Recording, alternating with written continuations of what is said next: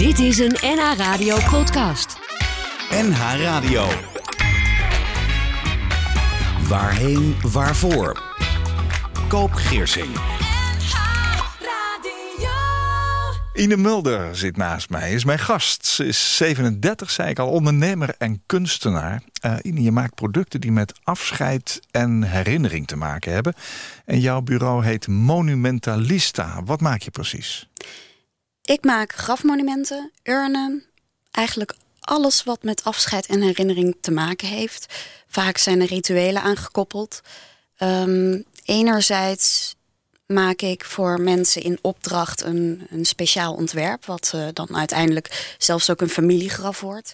Aan de andere kant maak ik kleinere producten die uh, ja, ook troost kunnen geven. Ja. En die producten uh, ja, die zijn een stuk betaalbaarder, bijvoorbeeld. Oké, okay. tussen ons in, hè, op tafel heb je van alles meegenomen. Je werkt heel veel met beton.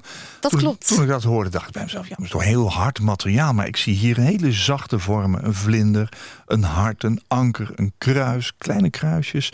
Um, er staat ook een uh, figuurtje bij, wat lijkt uit klei gemaakt te zijn. Wat is dat? Dat is een jito. Een? Jito. Dat is een Japans woord. Dat is een Japans woord, inderdaad. En uh, de Jito is de god voor de heel klein overleden, de heel klein overledene. Ja, ja voor een kindje. Ja. Ja, want ik zie, ik, ik zie inderdaad een uh, figuurtje. En ik zie twee armpjes en ik zie een, een hart. Ja, dat klopt. Kun je eens uitleggen wat je hier gemaakt hebt? Uh, ja, het, nou, de ouders die een kindje hadden verloren en bij mij waren gekomen, die vertelden dat ze naar Japan waren geweest nadat hun kindje begraven was. En uh, ja, om even op adem te komen. Mhm. En toen zagen ze dat uh, het heel gebruikelijk is om miskramen en ja, echt de allerkleinste overledenen te herdenken met een jitsu. Die kinderen die hebben zelf nog niet geleefd en hun ziel dwaalt daardoor. En die jitsu die, die neemt ze in de mouwen van zijn mantel en die smokkelt het hiernamaals binnen. Ja. Dus ze hebben daar troost uitgeput. Ze hebben daar troost uitgeput. En toen heb ik een jitsu gemaakt speciaal voor hun dochter. En hun dochtertje is overleden aan een te groot hart. Oh ja. Daarom heeft deze jitsu een heel groot hart in zijn armpjes. Dat is het. Ja. Hartstikke mooi. Mijn gast in deze aflevering van Waarheen Waarvoor is Ine Mulder, kunstenaar, ondernemer, oprichter van Monumentalista, een ontwerpbureau voor grafmonumenten, urnen en andere bijzondere producten die helpen bij afscheid en herinnering. Ine is door periode van ziekte gegaan, heeft haar moeder te vroeg verloren. Ze gelooft dat moeilijke perioden in je leven je vormen. Ine wil daar met design en kunst op een positieve manier aan bijdragen. Um, je bent van ontwerpbureau Monumentalista. Ja. Waar, waar, komt die naam eigenlijk vandaan? Ja, monument kan ik er wel uithalen, maar waarom die dichtelijke vrijheid erachteraan? ik was op zoek naar een naam. Uh, ik wilde niet, net zoals de, ja, heel veel collega-ontwerpers van mij doen... die zeggen dan Studio Ine Mulder. Hè? En oh ja. Dat, ja, ik wilde graag laten zien wat ik doe. Dus Ja. uh, monumentalist kwam ik op. En mijn, Je eh, bent eigenlijk een monumentalist. Ja, ik ben een monumentalist. Ja. maar toen kwam mijn vriend met de briljante toevoeging A, monumentalista. Oké. Dus het is gewoon zelf verzonnen. Het is zelf verzonnen. Ja, vind, vind, vind een mooie. Um, je, je, je gelooft dat moeilijke perioden in je leven je vormen. Ja, Hoe? dat zijn de momenten, de, de- het zijn de momenten waarin dingen beginnen te verschuiven en eh, dat er beweging komt in, in, ja, in je leven. Ben je zelf? En dat ben je zelf. En eh, op dat moment eh, ja, sta je open en zie je andere mogelijkheden. En eh, ja, ga je op een bepaalde manier. Nou ja, bijvoorbeeld, ik ben eh, ziek geweest in 2013. Mhm. En toen heb ik, een, ja, heb ik een jaar lang behandelingen gehad. En daarna eh, ja, ik, was ik eraan toe om dit bedrijf te beginnen. Achteraf. Achteraf, ja. Ja. Dus in die, in die periode ja, heb ik kunnen nadenken over het werk wat ik deed als productontwerper. Eh, ja, ik had nog niet de, de richting die ik nu heb. En ik dacht van ja, wat, wat draag je in vredesnaam bij met nieuwe, nieuwe serviezen, nieuwe, eh, ja, weet ik wat. Je wilde iets, iets terugdoen, je wilde iets bijdragen. Ik wilde iets bijdragen, Oh, iets ja. betekenisvols doen. Ja. Ben je dan achteraf dankbaar dat je door die periode heen bent gegaan om op deze richting terecht te komen? Ja, daar, daarvoor wel. Ja. Ja, daar Want ben ik dankbaar voor. Het is ook een kans geweest. Dus Het is een kans geweest, ja zeker. Ja. En ik merk ook dat mijn, eh, mijn ervaring met ziek zijn geweest... en Juist. dat, dat dat mensen Ja. ook helpt om, om te vertellen aan mij. Ja. Wat had je? Ik had kanker. Ja. Hoe is het nu met je? Goed, Ja? ik ben genezen. Je bent genezen. Ja, Want je bent ook, dat moet heel goed voelen. ja dat voelt heel goed. Ja. Je bent altijd gefascineerd geweest door mode en eh, medische wetenschappen. Hè? Eerst maar eens even mode.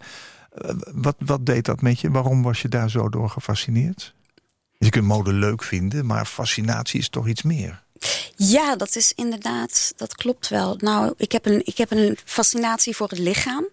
Eh, altijd een soort haat-liefdeverhouding gehad met, eh, met mijn eigen lichaam. Oh ja? Ja, en ehm, ik eh, ben opgegroeid in een, in een omgeving, in een nou, christelijk gereformeerd. En vaak was de kleding heel erg bescheiden. En mijn moeder en ik hadden altijd een soort van eh, ja, wrijving. Ik wilde uitbundig gekleed en zij zei van nee, doe maar normaal. Niet opvallen. Niet opvallen. En dat, dat heeft gemaakt dat ik me ja, fascineer voor mode. Ja, ben je gaan verzetten daarin ook? Jazeker. Ja. Ja. Lastige tijd geweest, snap ik. Nou ja, lastige tijd. Het klinkt, het lijkt heel dramatisch als puur, maar. Je was eh, gewoon aan het puberen. ik was gewoon aan het puberen. Ja. Ja. Maar daar komt die fascinatie voor mode vandaan. Ja, Ja. daar komt hij vandaan. En wat voor mode vind je, vond je eh, leuk, fascineert je, houdt je bezig? Ik wil graag, eh, ja, weet je, als je, als je toch moeite doet. Ik zie je nu kijken naar mijn Ja, kleren, ik, ik maar. probeer, ik, ik denk, zou ik het moeten beschrijven, maar doe het toch maar even niet. Nee, ik ben niet zo uitbundig naar deze uitzending gekomen, nee. Omdat er geen beeld bij is. Nee, maar ehm, ja, wat voor kleding? eh, ik hou van vrouwelijke kleding, van hoge hakken, van eh, eh, ja, eh, steeds er. Nou ja, laatst mijn buurman zei: Je ziet er iedere keer anders uit. En dat is, dat is leuk om te zien. Ja. ja, nee, dat snap ik. Dat, dat is goed. Hè. Je, je was als kind eh, je bewust van eh, zoektocht naar identiteit. Maar kwam dat door? Dat is een goede vraag. Ja. nou ja, je vertelde hè, oh, dat je, dat je, eh, je komt uit een eh, zeg maar geïnformeerd gezin waar eh, kleding met name gewoon moest zijn. Waar, waar kwam bij jou dan dat vandaan dat dat eruit moest? Dat, dat je Dat, anders... dat ik mijn kop boven het maaiveld wilde uitsteken. Oh, bijvoorbeeld, ja? Ja, dat, dat, die, die behoefte had ik. Inderdaad, ik voel me toch anders dan, dan de andere kinderen in de klas. En ja, wat ook wel. Ik ben ook heel, heel erg mee bezig geweest. Mijn, mijn broer die had diabetes. Nu kom ik bij medische ook aan. Ehm, vanaf dat hij 16 maanden oud was. Hij was een baby. En dat heeft een stempel gedrukt op ons gezin. Hoe? Het ging altijd over eten. Het ging altijd over mijn broer. Eh, ik hou overigens heel veel van mijn broer. maar die, eh, ja, die, die had dat. En daar draaide eigenlijk het gezinsleven om. En ik was op zoek naar, ja, naar mijzelf. Ja. Voelde je je tekort gedaan ook? Ehm, een beetje, ja. Ja, maar dat was toen hoor. Dat, dat gevoel heb ik Nee, nu dat, niet meer. dat, dat begrijp ik wel. Maar dit verklaart misschien wel eh, waarom je inderdaad eh, daar zo mee bezig bent gegaan. Wat Ja. heeft dat voor gevolg gehad voor jou? Zo met eten bezig zijn en met, met een broer die, die iets heeft waar die ook steeds aandacht voor krijgt. ik, ben, ik heb als tiener een eetstoornis ontwikkeld. Ik heb anorexia gehad. Ja. En daarvoor ben ik ook opgenomen geweest, een jaar lang, in een kliniek. En nou ja, die ziekte, die ziekte. Heel veel mensen denken dat het over modellen gaat en over, over, eh, ja, over slank willen zijn. Maar dat, dat is niet de essentie van die ziekte. Wat is de essentie? Dat je op zoek bent naar een identiteit. Je identificeert je met, eh, met die ziekte. Je, je probeert jezelf te verheffen door eh, dun te zijn. Had jij het idee dat, ehm, omdat het altijd over eten ging, hè, discussies over eten en dit wel en dat niet, dat je door ehm, eh, niet meer te eten of juist heel weinig te eten of wat dan ook, hè, dat, dat je daarmee een soort statement kon afgeven van Ja. ik heb dit zelf in de hand? Ja, zo werkt dat inderdaad. Ja.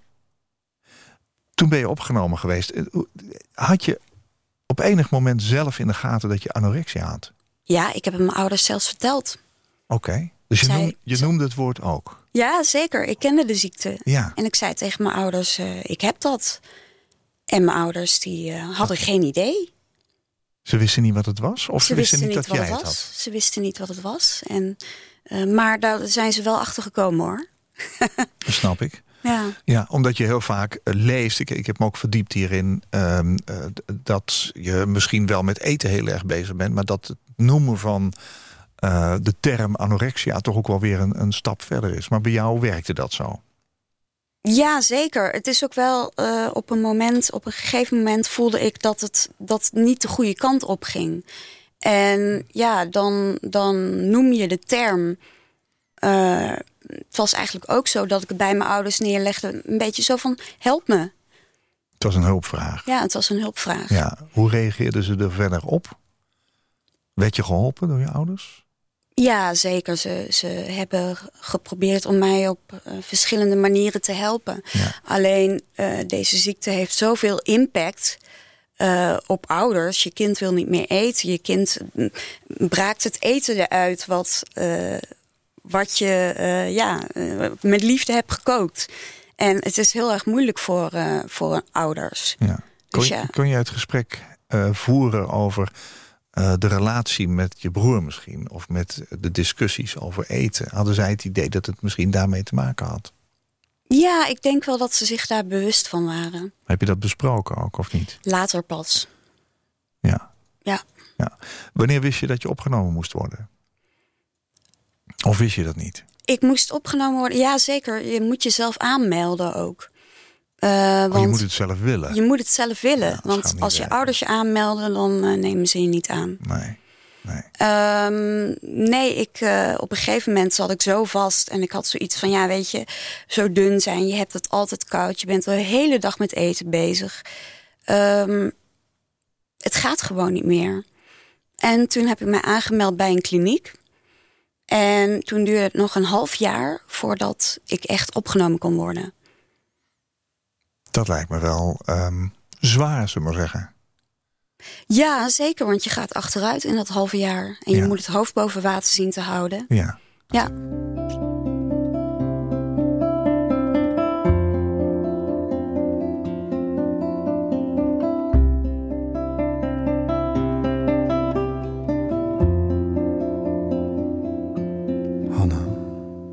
Wat mij in stand hield, als mijn wereld haast verging, was altijd mijn vermogen tot bewondering.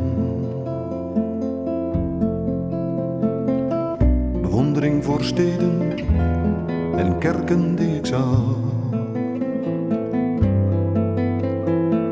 Voor de muziek van Schubert en Offenbach en Bach.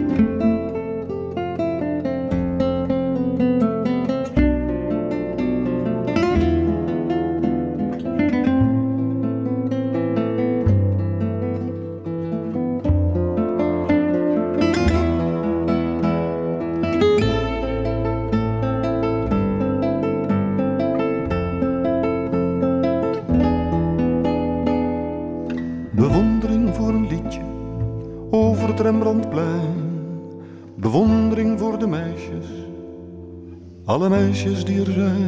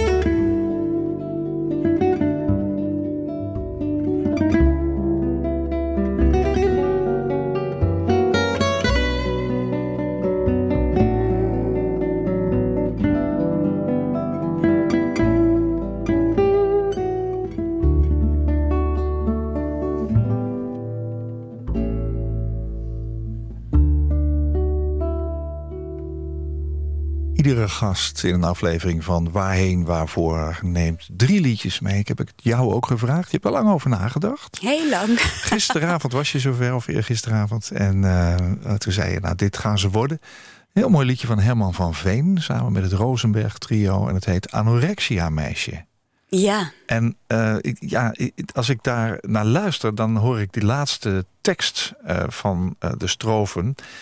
Als je aan de overkant bent is bewondering dan geen brug naar gewoon weer eens wat eten? God, Hanna, kom terug. Met andere woorden, het is een observatie van iemand die er buiten staat. Ja. Maar die dan zal zeggen van, joh, eet nou weer wat. Ja. Wat voor reacties heb jij gehad toen mensen wisten dat je dit had? Um, begrip, onbegrip? Ja, onbegrip toch wel. Dat begrijpen mensen vooral niet het is heel lastig om uit te leggen wat er werkelijk door je heen gaat. En um, ja, waarom je niet wil eten. Ja, je, je. Ja. Je wil niet alleen maar dun zijn. Nee, je wil niet alleen maar dun zijn. Daar gaat het helemaal niet om. Nee, nee. En je bent er heel alleen in. Dat ook. Ja, zeker. Ja, niemand die uh, iets voor je kan betekenen. Nee, ja, nu is dat wel heel anders hoor. Want uh, Wat bedoel die je zitten met natuurlijk. Nou, um, uh, in die tijd dat ik het had, was er nog niet zoveel online. Natuurlijk. nee, dat snap ik. Nu, nu heb je echt groepen met anorexia meisjes die, die ja, tips uitwisselen. Ja, ja. Kun je er ooit beter van worden? Er zijn, ja, ik ben beter. Ja? Ik ben genezen, absoluut. Ja. Maar heel veel worden dat niet. Mm -hmm. Voor veel mensen blijft het een, uh, een realiteit. Ja, je moet ook eten. Dus het, het onderwerp van, uh, ja, van, van die ziekte, dat, dat, heb je altijd, dat heb je altijd. Ja. ja. Is, is het bij jou erin geslopen of ben je heel bewust gestopt met eten? Kun je dat nog herinneren? Ja, ik was toen, was toen heel jong. Ik was, ik was negen en ik besloot dat ik te dikke benen had. Dat ik te veel ballast had. Te veel, je, je lichaam is een soort ballast en je wil, die ballast wil je kwijt. Mm -hmm. En toen besloot ik om dunner te worden. Dat in eerste instantie? Dat in eerste instantie. En Ja. dat doe je door niet te eten. Ja. Ja. En werkte dat ook meteen? Of had je... Ehm, nou ja, toen ik 14 jaar was, toen ben ik nog nooit ja, zwaarder geweest dan 42 kilo. Ik zat dus wel aan de ondergrens, maar mijn ouders die dachten, ja, die dachten van, eh, nou, het valt wel mee. Ja. Ja.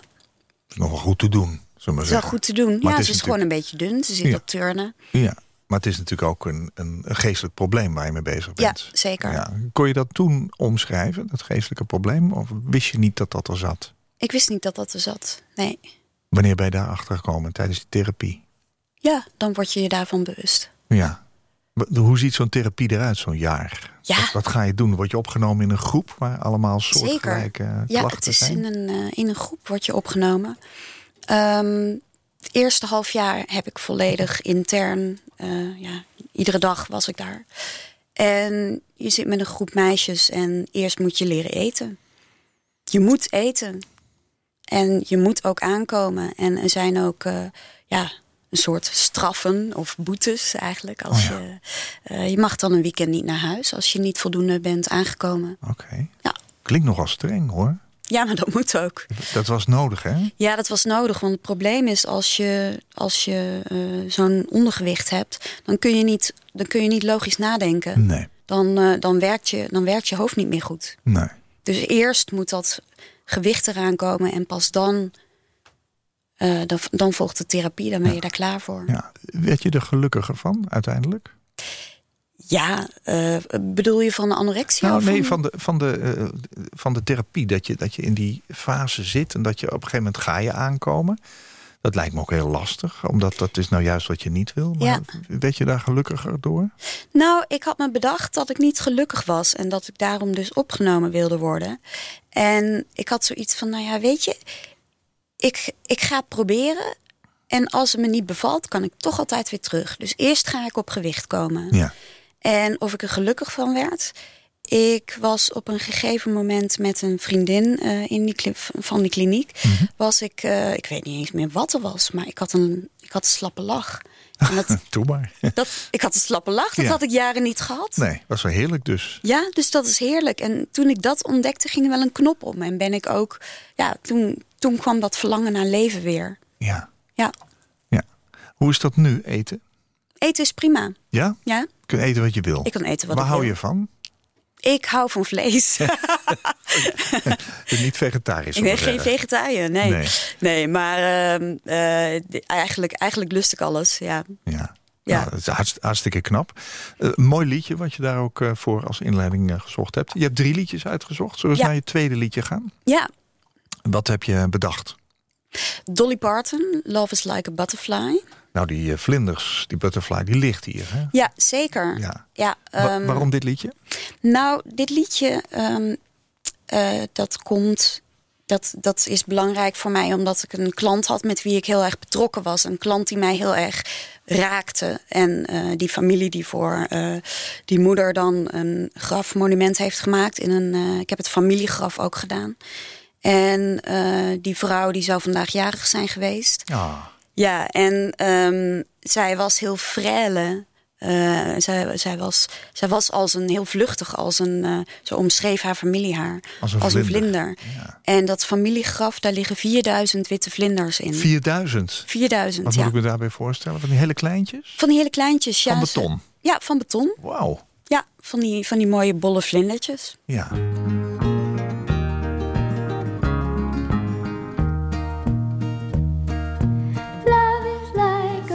Butterfly, as soft and gentle as a sigh. The multicolored moods of love like its satin wings. Love makes your heart feel strange inside. It flutters like soft wings in flight. Love is like a butterfly, a rare and gentle thing. I feel it when you're with me. It happens when you kiss me. That rare and gentle feeling that I feel inside. Your touch is soft and gentle. Your kiss is warm and tender. Whenever I am with you, I think of butterflies. Love is like a butterfly. The multicolored moods of love like its satin wings. Love makes your heart feel strange inside. It flutters like soft wings in flight. Love is like a butterfly, a rare and gentle thing. Your laughter brings me sunshine. Every day is springtime. And I am only happy when you are by my side. Precious is this love we share? How very precious, sweet, and rare. Together we belong like daffodils and butterflies. Love is like a butterfly, as soft and gentle as a sigh. The multicolored moods of love like its satin wings.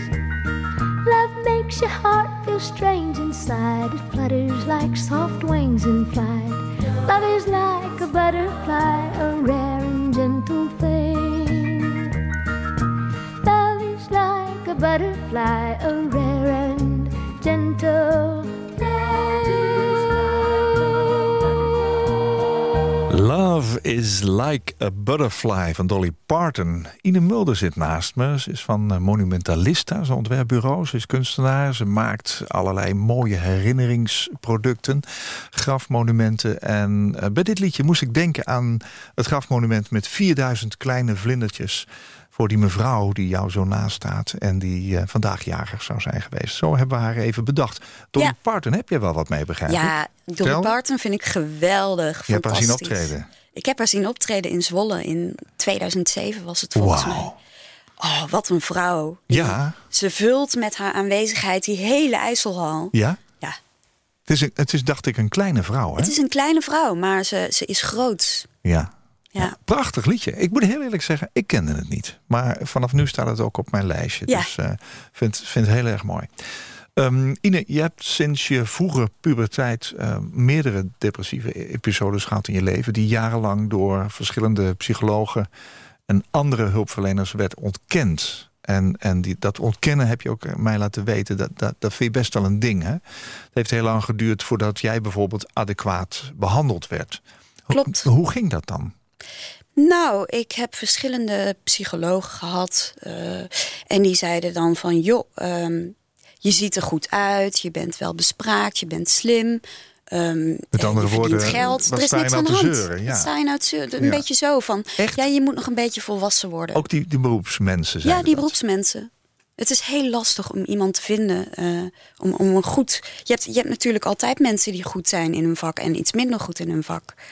En het was, ja, het is moeilijk om de juiste psycholoog te vinden die daar doorheen prikt. Heb je die gevonden uiteindelijk? Uiteindelijk wel. En, en dat was iemand die jou raakte. Ehm, die had, nee hoor, die, die verstond zijn beroep gewoon heel goed. Het Oh. was een psychiater, die heeft Ja. me aan de medicijnen geholpen. Oké. Ja. Ja, maar die begreep wel dat het noodzakelijk was. Ja, zeker. Ja, Dat bedoel ik er een beetje mee. Er was niet iemand die zei van joh, eh, er is niks aan de hand. Nee. En dat is ook weer eh, dan dat met kleding. Hè? Dat ik verscheen iedere keer natuurlijk mooi gekleed op een afspraak. Dan denken mensen, ja, hoezo ben jij depressief?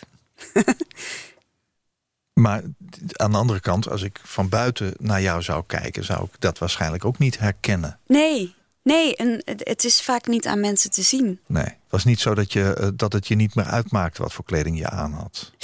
Op een gegeven moment, als het heel slecht ging, wel, ja. Maar ik wist wel dat het dat me, me bijzonder aankleden, dat het een manier was om me goed te voelen. Ja.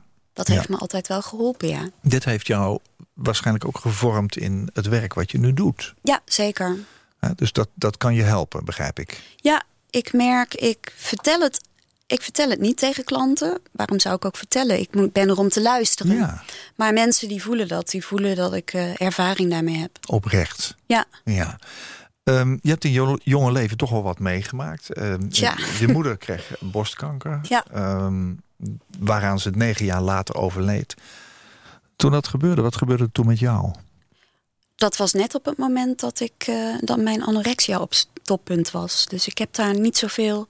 Ik heb daar meer later heb ik daar eh, ja, veel meer van meegekregen. Ja, Ja, ja. Wat deed het met jou, het overlijden van je moeder?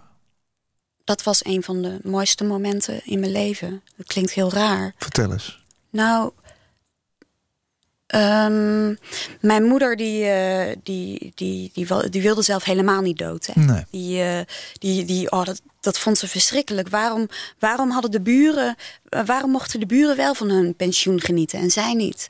En ze had een, enorme boosheid in zich. En nou ja, goed, op een gegeven moment, mijn moeder die belandde in het ziekenhuis toen ze toen ze terminaal was. En eh, dat is ook maar een hele korte periode geweest. En mijn vader en mijn broer die waren bij haar in het ziekenhuis. En die belden mij op en die zeiden...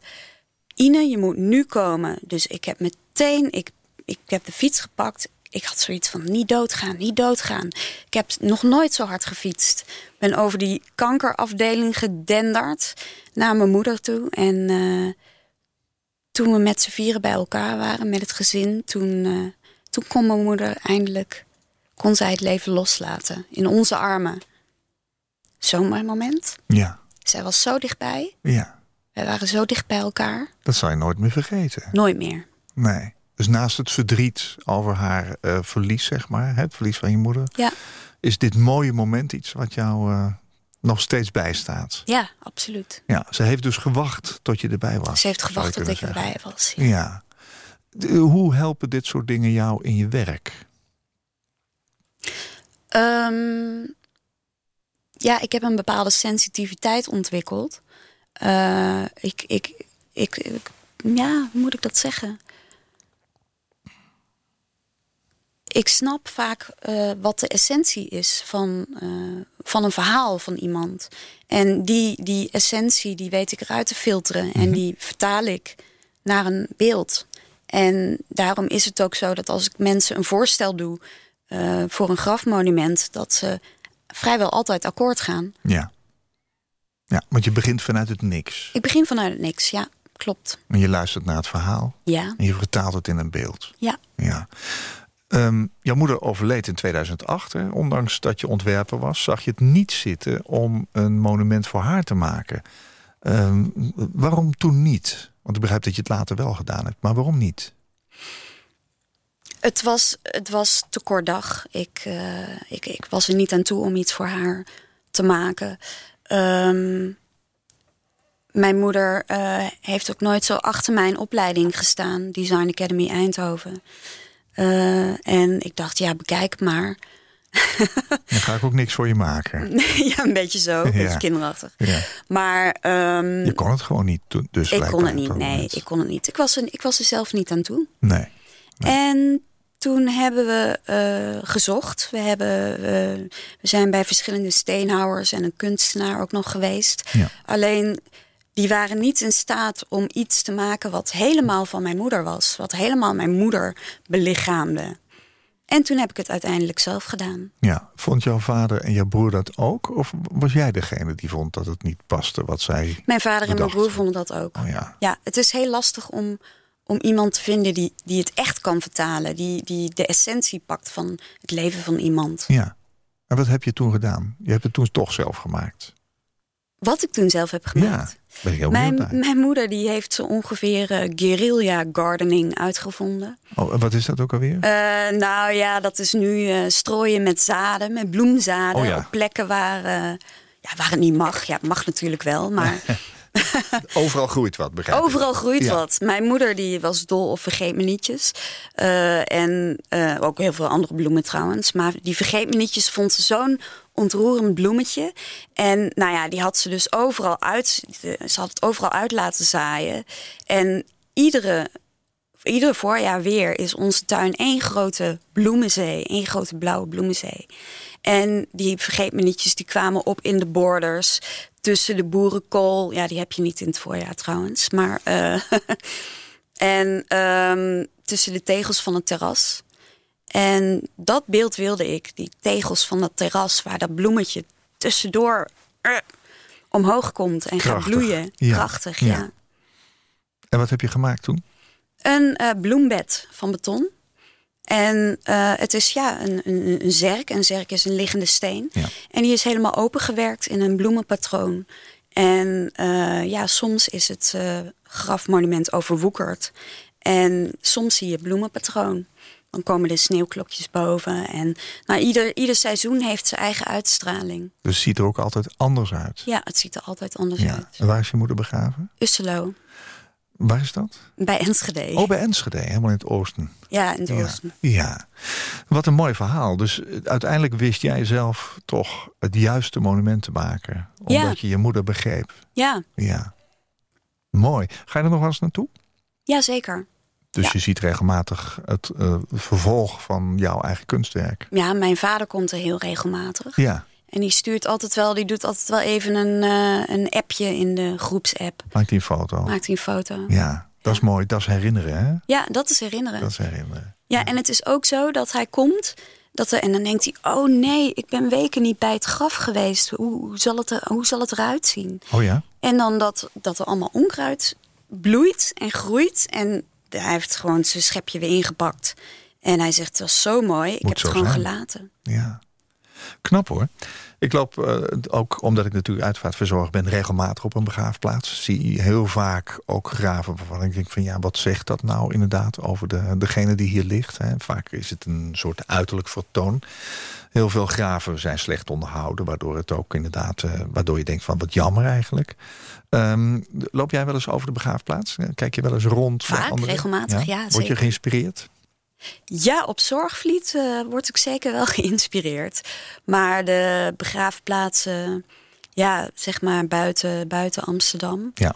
Eh. Zorgvliet is Amstelveen, hè? gemeente Amstelveen. Gemeente Amstelveen, dat klopt. Aan de Amstel. Mooi, mooie plek. Waarom word je daar wel geïnspireerd? Liggen daar hele mooie? ja, daar liggen mooie- hele bijzondere hedendaagse graven. Of ja, van hedendaagse kunstenaars, Ja. ontwerpers. Ja. Ja, Kun je langs al die wijken lopen daar, hè? Ja, Zoals, dat wijken. heet. Ja, Ja. prachtig. Ja, mooi, mooi.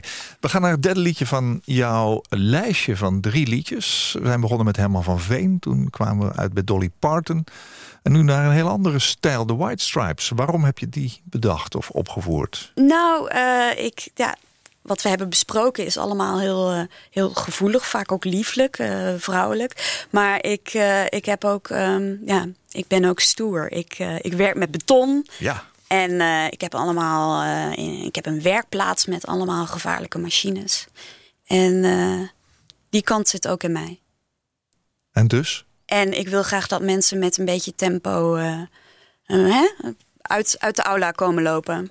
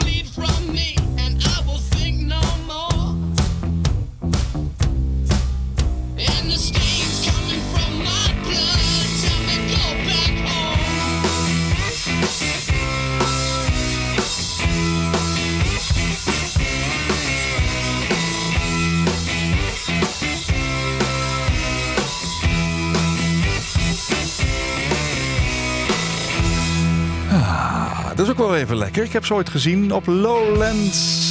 De White Stripes zijn maar met z'n tweeën hoor. Seven Nation Army. Die horen we niet vaak op dit tijdstip. Nee.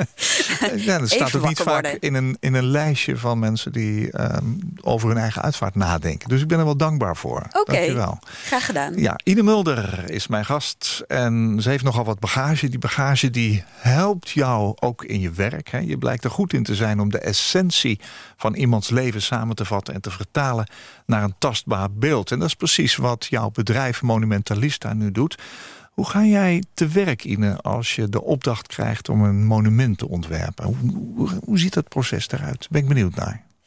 Ehm, nou, eerst een hoop geschets, gekras, Ik, denk- materialen ik, ik neem aan dat, er, dat mensen eerst op bezoek komen, of niet? Ah, nee, ik laat mensen vertellen. Ik, ik, ik eh, schets nog helemaal niks als ze er zijn. Nee. Dat doe ik, dat, dat doe ik, eh, ja, dan moet ik me voor terugtrekken. Ja. Ja, dus ik zeg tegen die mensen van, eh, nou ja, over een eh, twee weken, vier weken, zo lang duurt een ontwerpproces wel voordat het eh, hè, ingedaald is. En dan stuur ik ze een, een document met ja, wel een stuk of tien bladzijdes. Met allemaal foto's van maquettes. Ik maak daar heel veel werk van. Ja. Ja. Want dat is ook jouw leven natuurlijk, daarmee bezig zijn. Je doet niet ja, liever. zeker, zeker. En eh, het gebeurt zo vaak dat mensen zeggen van... goh, ik had dit totaal niet verwacht, Ja? zoiets, maar het is precies raak. Wauw. Dat geeft een kick. Ja, ja. Eh, Heb je dan ook een kostenbegroting gemaakt? Of Mensen geven mensen aan de voorkant... eh, Mensen betalen voor een schetsontwerp en kunnen aangeven ja, wat het budget is wat ze te besteden hebben. Ja. Nou ja, goed, eh, iets, iets unieks maken, da- daar hangt over het algemeen wel een, eh, een flink prijskaartje aan. Mhm. Eh, dat, is, eh, ja, dat is zo, want Ja, het moet ook in Nederland geproduceerd worden. Dat heb ik ook liever, dat het niet via China, India allemaal eh, binnenkomt. ja, veel grafmonumenten komen vanuit India of China. Zijn al vaak kant en klaar. Hè? Zijn vaak kant en klaar, Dat hier ja. nog alleen de letters ingezet worden. Maar dan is de rest, de zerk en het monument... dat wordt dan allemaal al kant en klaar Ja, aangeleverd. Dat doe Daar doe ik niet aan mee. Nee. nee. Het is een Nederlands product wat jij maakt. Absoluut. Wat wil je in de toekomst nog bereiken met je bedrijf? Ik hoop dat mijn bedrijf echt een familie wordt. Leg dat eens uit. Ehm, ik, eh, ik heb zelf geen kinderen. En eh, ik wil wel op de een of andere manier het familie, het gezingevoel eh, ja, hebben. En ja, het lijkt, mij, het lijkt me gewoon heerlijk om een, stagia oh, een stagiaire, een tafel te hebben waar stagiaires aan zitten met de lunch. En waar werknemers zitten en dat Ja. we dan praten. Ja. Het lijkt me heel prettig. En wat ik ook wil is dat mijn bedrijf op eigen benen kan staan. Dat als ik er even tussenuit moet, om, ja, mijn vader wordt ook een dagje ouder. Op, eh, op een gegeven moment, dan moet ik misschien wel voor hem zorgen. En dan wil ik ook het bedrijf even kunnen verlaten. Ja, Dat wil ik. zover ben je nog niet. Nee, nog niet. Nee, die kant ga je wel op. Die ga ik zeker op. Hartstikke mooi. Ine Mulder was mijn gast in deze aflevering van Waarheen Waarvoor. Ze is oprichter van Monumentalista, ontwerpbureau voor grafmonumenten en andere producten voor afscheid en herinnering. En Ine gelooft dat moeilijke perioden in je leven je vormen, wil daar met design en kunst op een positieve manier aan bijdragen. Dankjewel, Ine, voor je oprechte verhaal. Fijn dat je er was en dat je het wilde delen met ons. Dankjewel. Alle goeds gewenst. Koop Geersing. Als jij een keer te gast wilt zijn in Waarheen Waarvoor om te vertellen over jouw levensreis, laat me dat dan weten via waarheenwaarvoor.nhradio.nl. Waarheenwaarvoor.nhradio.nl. Dit was een NH Radio podcast. Voor meer, ga naar nhradio.nl. Radio.